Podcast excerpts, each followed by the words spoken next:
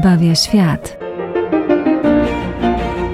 Zapraszamy Państwa na audycję o dziełach sztuki, które mają wartość uświęcającą. I artystach, którzy poprzez swoją twórczość ukazywali swoją więź z Bogiem. Audycja Piękno zbawia świat. Radio Jasna Góra. Zapraszamy.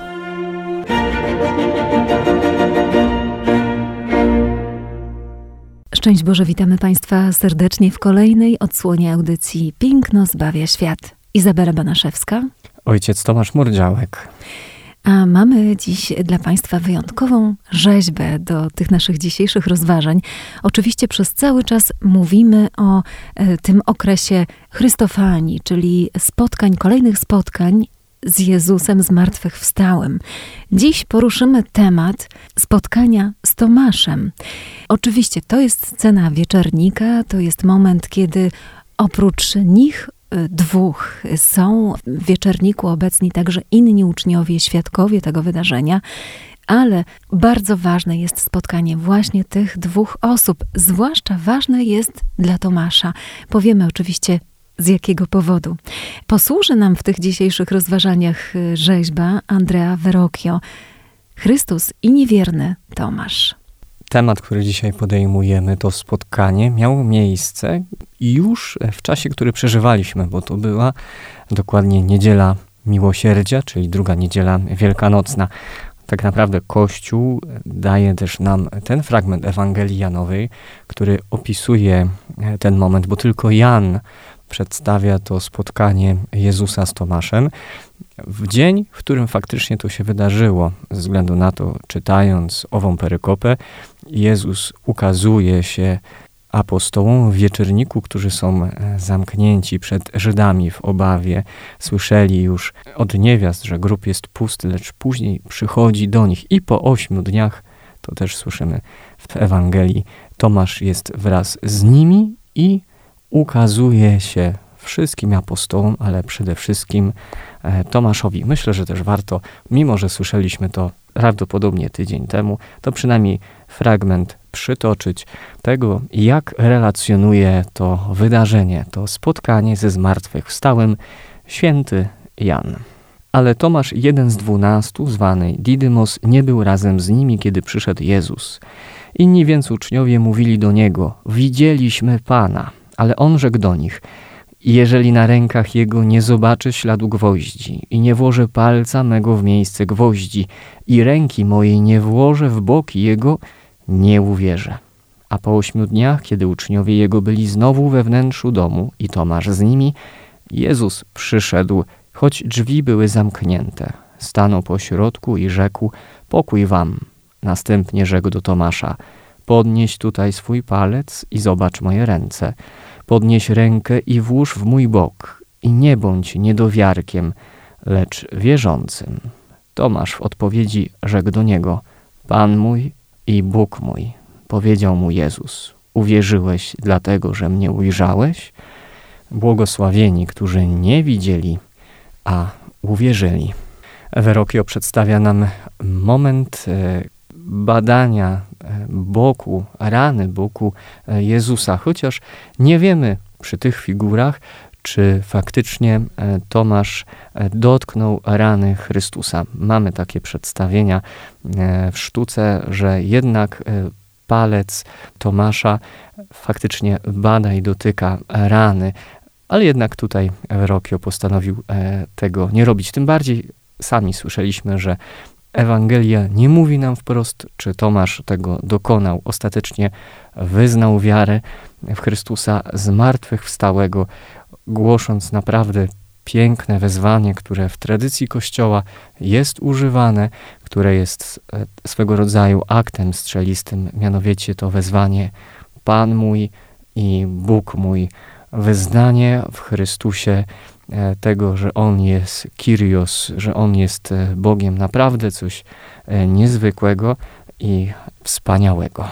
Nasza grupa rzeźbiarska, bo mamy tutaj dwie postacie, dwie osoby, oczywiście Chrystusa i Tomasza, pochodzi z fasady florenckiego kościoła Orsan Michel, a jej twórca, Andrea Verrocchio, Pochodził z rodziny złotników, rodziny, która e, właśnie złotnictwem się trudniła. On się rodzi we Florencji, a więc pamiętajmy, że rodzi się w miejscu, gdzie tak naprawdę powstaje renesans, prawda? Pamiętamy kopułę katedry florenckiej, e, która jest pierwszym renesansowym dziełem Później słynne konkursy rzeźbiarskie na drzwi do baptysterium e, florenckiego, które to e, wygrywa Ghiberti. Tam rozwija się architektura, tam rozwija się rzeźba. Oczywiście tam będzie się także rozwijało malarstwo, ale pierwszym dziełem e, renesansowym, jak pamiętamy, jest architektura. Rzeźba już od czasów średniowiecznych była z architekturą integralnie powiązana. Ta nasza rzeźba, jak już wspomniałam, jest grupą rzeźbiarską z fasady kościoła. Musimy ją rozpatrywać, jej rozmiary i jej kształt musimy rozpatrywać również i w ujęciu niszy, do której została stworzona, czyli niszy kościoła Orsan Michel we Florencji. Jest to dość zwarta grupa rzeźbiarska, prawda? Dlaczego Andrea Verrocchio e, w taki sposób uformował, ukształtował tę naszą grupę? Za chwileczkę się o tym e, przekonamy. Ważne jest jednak, aby pamiętać, że Andrea Verrocchio to jest artysta najwyższej klasy. Jest to uczeń Donatella, a z jego z kolei warsztatu wychodzą dwaj niezwykli malarze renesansowi, Leonardo da Vinci i Sandro Botticelli. No, nazwiska, których nie trzeba Państwu jakoś mocno przedstawiać. Pamiętamy, rozmawialiśmy kiedyś o obrazie Chrzest Chrystusa, który wychodzi z pracowni Verrocchia, a przy którym to pracują właśnie w trójkę Andrea Verrocchio, e, Sandro Botticelli i Leonardo da Vinci. Więc możemy powiedzieć o artyście rzeczywiście najwyższej klasy. To, co stworzył, było głęboko przemyślane. I teraz spójrzmy sobie właśnie na e, naszą rzeźbę. Tutaj należy jeszcze dodać, że jest to rzeźba z brązu i brąz był właściwie takim materiałem, który był całkiem naturalny dla Andrea Verrocchi, skoro wychodzi on z warsztatu złotniczego. Jeżeli wiemy te dwie rzeczy, że brąz, czyli metal, tak, jest dla niego takim naturalnym materiałem, choć wcale nie łatwym, jak wiadomo, do obróbki. Skoro kształcił się swoje pierwsze kroki i stawiał w warsztacie złotniczym, to już możemy gdzieś w wyobraźni kształtować sobie pewnego rodzaju formę przedstawienia tej rzeźby. Na pewno będzie ona bardzo dokładnie cyzelowana, na pewno będzie z dużo e, większą ilością szczegółów potraktowana niż chociażby rzeźby kamienne, czy też rzeźby brązowe, ale wywodzące się z warsztatu Donatella. I tutaj właśnie taka dokładnie jest. One są bardzo niespokojne, jeśli chodzi o kontur. Patrzymy na Tomasza i na Jezusa. Jest to rzeźba, w której załamuje się kilka linii, prawda? Obie postacie są w kontrapoście. Zarówno postać Chrystusa, który jeszcze dodatkowo, mimo że stoi w kontrapoście, na jednej tylko nodze opiera ciężar swojego ciała, to dodatkowo ma podniesioną do góry prawą dłoń, aby ukazać, zaprezentować swój otwarty bok Tomaszowi. Tomasz również znajduje się w kontrapoście, w takim delikatnym, wyrafinowanym geście, podtrzymuje sobie pofałdowane e, swoje szaty, swój płaszcz. Obaj przedstawieni są e, jako ubrani w antyczne szaty, czyli tunika plus płaszcze. Ale gdy spoglądamy właśnie już na e, ukształtowane loki, włosy, na budowę dłoni, na budowę rąk i wnętrza dłoni Chrystusa, bo je widzimy bardzo mocno. Spoglądamy też na sandały i na stopy. Wszystko to zostało wyrzeźbione z niezwykłą dokładnością. No i tutaj właśnie kłania nam się ten złotniczy warsztat Verrocchia. On nie mógł nie położyć nacisku na takie detale, na takie szczegóły, ponieważ to było dla niego takie bardzo naturalne. Jaka jest wymowa tej rzeźby? No rzeczywiście, tutaj musimy powiedzieć, że wątek zatytułowany Niewierny Tomasz, pamiętajmy, że to jest y, tytuł tej rzeźby, Chrystus i Niewierny Tomasz. Ten wątek niewiernego Tomasza niestety bardzo mocno e, z tej sceny ewangelicznej, e, którą przeczytał mm, ojciec Tomasz, bardzo mocno przylgnął do tego apostoła, jak się za chwileczkę okaże, nie tylko ten wątek, bo jeszcze również wątek z apokryfów, w którym to e, dowiadujemy się, że Tomasz nie tylko spóźnił się do wieczernika, ale też e, spóźnił się na zaśnięcie Matki Bożej, podczas którego wszyscy apostołowie byli zgromadzeni w cudowny sposób, mimo że każdy z nich się rozszedł na różne kierunki e, świata, aby ewangelizować. W momencie zaśnięcia Maryi oni się gromadzą z powrotem w wieczorniku i tam Tomasz również jest spóźniony. Wobec czego w chwili, w momencie w niebo wzięcia Maryja upuszcza swój pasek od płaszcza dla Tomasza właśnie. Ten pasek jako relikwia, jedna z najcenniejszych relikwii, co ciekawe jest przechowywana w Konstantynopolu do dnia dzisiejszego. A więc do tego apostoła można powiedzieć, że przylgnęły no takie niezbyt y, pochlebne określenia, prawda? Po pierwsza sprawa, niewierność. E, druga sprawa, e, spóźnialstwo. Być może wynikające z niewierności, spóźnialstwo. Czy rzeczywiście Maryja zostanie e, wzięta do nieba z duszą i ciałem? No to są pytania, które się pojawiają, które się rodzą, jeżeli przyglądamy się sylwetce tego, tego apostoła. Dlatego też chcemy dziś powiedzieć, troszeczkę jak gdyby zrehabilitować świętego Tomasza i to czyni również i Verrocchio w swojej rzeźbie, do czego zaraz nawiążemy. Ten wątek niewierności, czyli tej wyciągniętej ręki, ona w niektórych mm, dziełach sztuki jest wręcz wprowadzana w bok Jezusa, tak jak to czyni e, Caravaggio w swoim, e, w swoim obrazie Niewierny Tomasz wręcz kieruje, łapie za e, dłoń Tomasza i wpycha ją w ten swój bok. Tutaj y, Andrea Verrocchio pozostaje bardzo uspokojony w formie. Delikatnie jedynie Tomasz zbliża się do poły płaszcza Jezusa, która w jakiś cudowny sposób się rozstępuje, ukazując nam bok, otwarty bok Jezusa. Jezus podnosi właśnie rękę, aby Tomasz w taki nieograniczony sposób mógł zajrzeć do tej rany, jednak on tego tutaj nie robi. On delikatnie dotyka tylko poły płaszcza. Nie dotyka swoim palcem ciała Jezusa, nie wprowadza ręki w bok w ranę, do czego to się tak przyznawał przed apostołami, że nie uwierzy, póki tego nie uczyni. Tak się tutaj nie dzieje, więc jest to jeden z pierwszych przykładów rehabilitujących troszeczkę tego, tego apostoła. A zrehabilitować ojczego trzeba. Koniecznie. Pierwsze może nawet odniesienie do tego, że spóźnił się wedle apokryfów na zaśnięcie Najświętszej Marii Panny. Był to apostoł, o którym mówią, że najdalej e, udał się głosić dobrą nowinę, ze względu aż e, do Indii, więc miał sporą drogę powrotną, żeby Daleka udać się do, do, ojczyzny, do, e, do Izraela.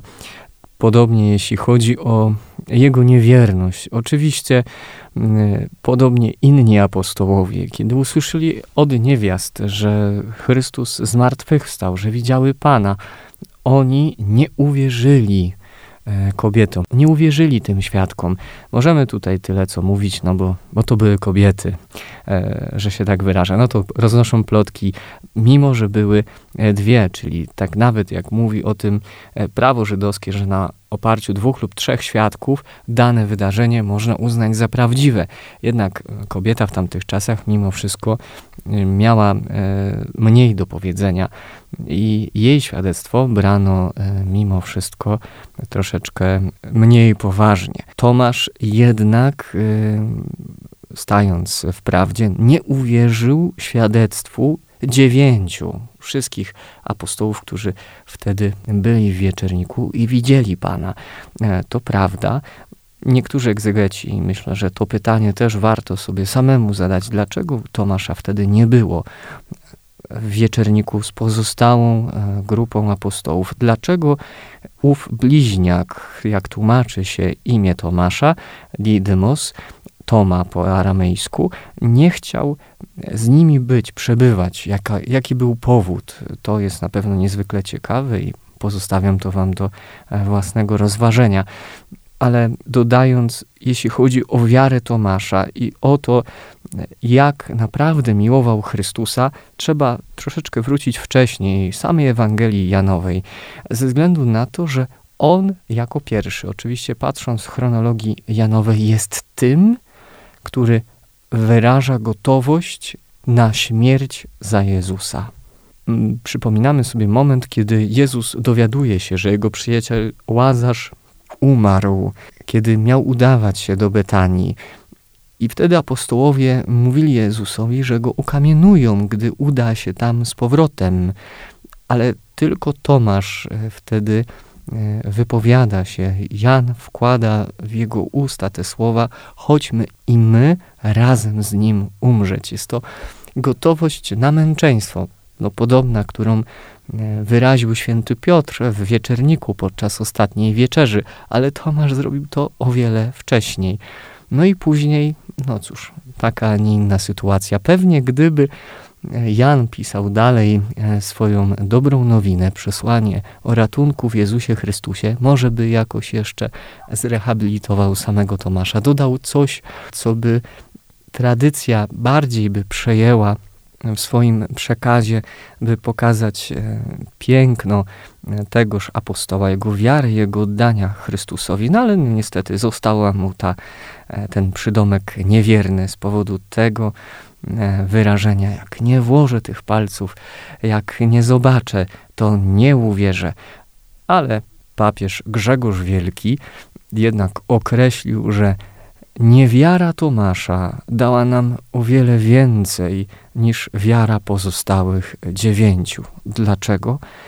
Bo no, kto z nas nie jest w jego sytuacji, kto z nas widział zmartwychwstałego, tak jak widziało ich dziewięciu no niewielu może się tym poszczycić. Oczywiście biorę tutaj e, też myślę o tych osobach, które e, jako mistycy mieli, mieli możliwość e, zobaczenia czy rozmawiania z Chrystusem. No to oni są tymi powiedzmy szczęśliwcami, a może niekoniecznie, bo mogą się zastanawiać, czy to był sen, czy, czy też nie. Ale każdy z nas może mieć e, te wątpliwości. I właśnie Tomasz wybrany jako reprezentant nas wszystkich, jako ten, który chce twardych niejako dowodów, że to nie jest jakaś ułuda, że to nie jest duch, że to nie jest jakaś manipulacja, czy też e, zbiorowa halucynacja, e, której poddali się z, racji rozpaczy, lęku jego współtowarzysze, przy drodze, jaką szedł wraz z Jezusem. Tak, ta postawa nieufności tak mocno, e, to określenie niewierny Tomasz tak mocno przylgnęło do e, tego apostoła, że weszło, drodzy Państwo, nie tylko do kultury i tradycji, bo słyszymy e, je w pieśniach staropolskich, ale weszło i do popkultury. Pojawia się w literaturze chociażby, w literaturze, nawet w romansach się pojawia. To jest zupełnie niesłychane, bo kiedy szukamy określenia, jakim jest określenie niewierny Tomasz, to okazuje się, że powstaje taki związek frazeologiczny, który właśnie określa niedowiarka, sceptyka, ale też osobę nieufną, postawę nieufności. Więc nie tylko pojawia się w tej kulturze, czy też popkulturze, ale proszę zobaczyć, że ta postawa, która jest postawą ludzką w Biblii, w Ewangelii, prawda? Uczniowie mówią, że, że Chrystus pojawia się po swoim zmartwychwstaniu, pojawia się mimo drzwi zamkniętych. Oni tego nie rozumieją również, choć nie kwestionują, bo widzieli. On dziwi się temu. To nie jest podważenie boskości Chrystusa. To jest po prostu zdumienie, to jest zdziwienie. Natomiast wchodzi e, całe to określenie, cała ta postawa nieufności, e, zostaje w jakiś sposób przeniesiona na sferę relacji takiej uczuciowo-związkowej, e, wobec czego do dziś święty Tomasz jest również patronem małżeństw, gdzie jest mowa o wzajemnym zaufaniu wobec siebie, prawda?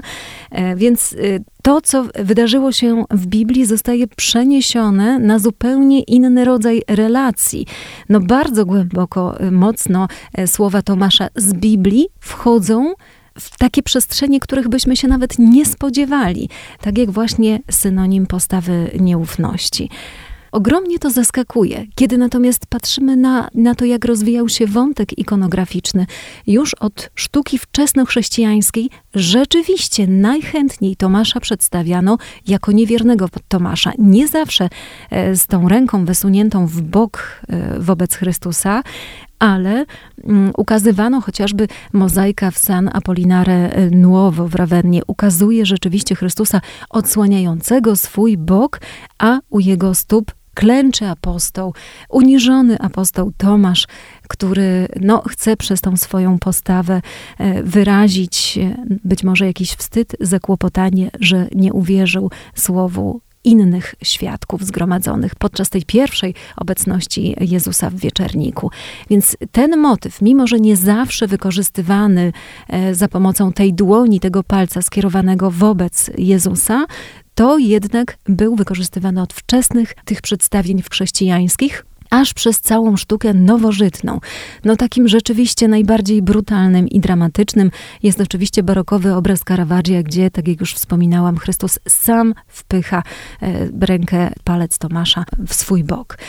Natomiast bardzo rzadko apostoł ten przedstawiany jest ze swoim narzędziem tortur z narzędziem męki, czyli z włócznią, lancą, którą został przebity. Są takie przedstawienia, które ukazują dwunastu i każdy z nich trzyma narzędzie e, męki lub też inny atrybut odpowiadający sobie i tam rzeczywiście e, Tomasza możemy zobaczyć z taką włócznią, choć zdarzają się i takie przedstawienia, że ukazany jest z tymi dwoma palcami lub jednym palcem uniesionym do góry, którym to palcem będzie badał Jezusa ranę tej sytuacji trzeba nam również zobaczyć postawę Jezusa, bo ona też tu jest e, niezwykle ważna. Kiedy przychodzi do grona dziesięciu, e, by ukazać się e, Tomaszowi, pewnie szczególnie jemu, nie wyrzuca mu w żaden wypadku na samym początku, czemu nie uwierzyłeś swoim współtowarzyszom, dlaczego okazałeś pełną niewiarę. Nie, pełni spokojnie przedstawia mu e, tą drogę, nazwijmy to pewną namacalną, konkretnych znaków do tego, by uwierzyć.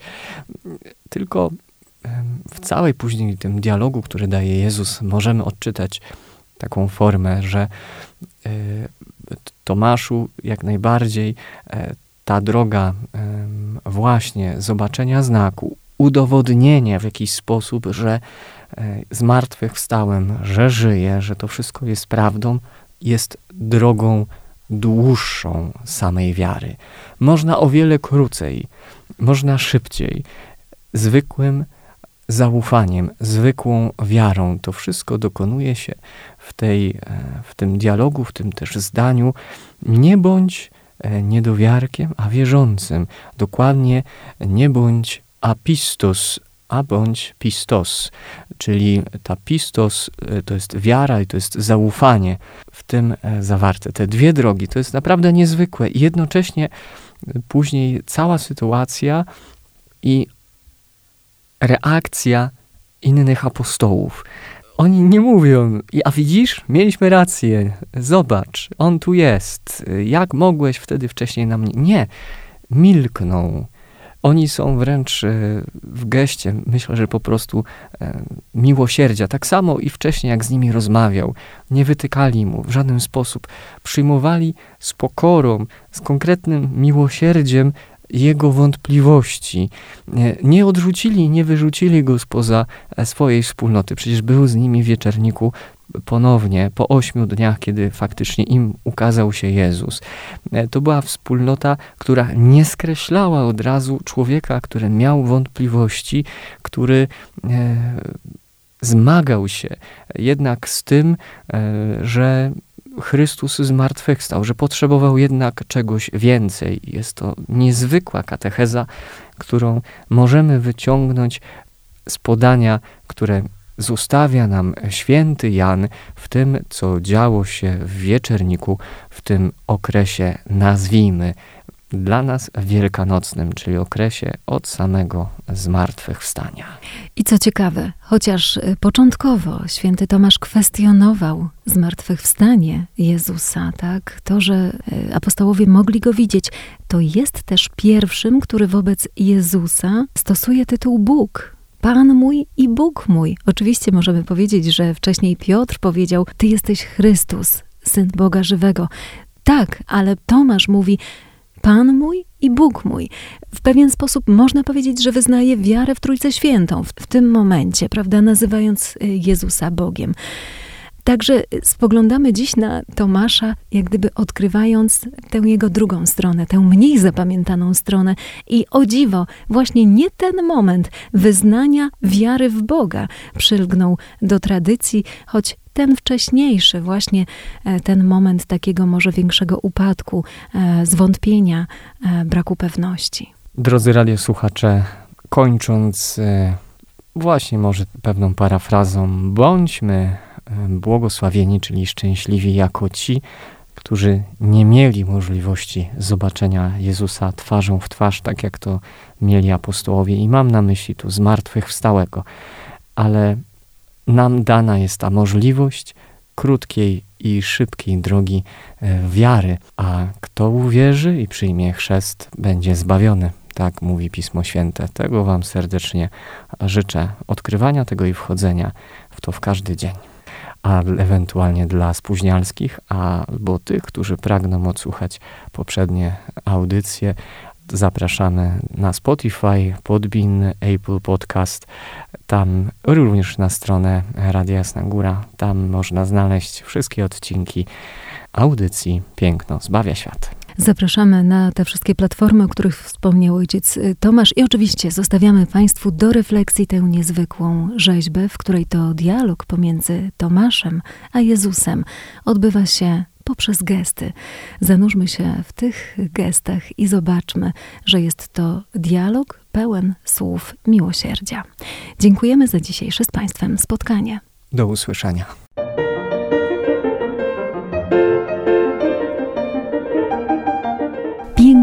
Zbawia świat. Zapraszamy Państwa na audycje o dziełach sztuki, które mają wartość uświęcającą.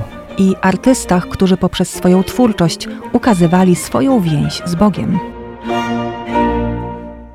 Audycja Piękno zbawia świat. Radio Jasna Góra. Zapraszamy.